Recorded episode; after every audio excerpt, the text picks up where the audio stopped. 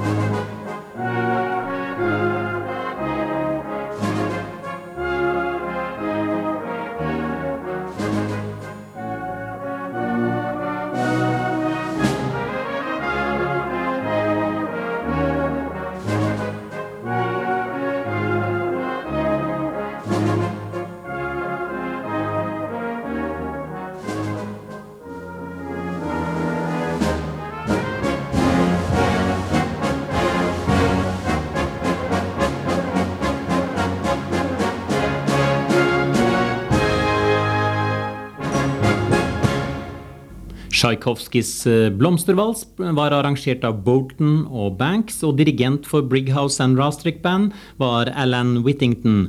Når vi nå skal gå over til eh, stykket som er på programmet, så skal Jan de Haan overta taktstokken for Brighouse and Rastrick Band. Og stykket det er eh, originalkomponert for brassband av den engelske komponisten Edward Gregson. Det heter Variations on Laudate Dominum, altså variasjoner over lover Herren. Og eh, dette er et eh, konkurransestykke for brassband. Variations on Laudate Dominum.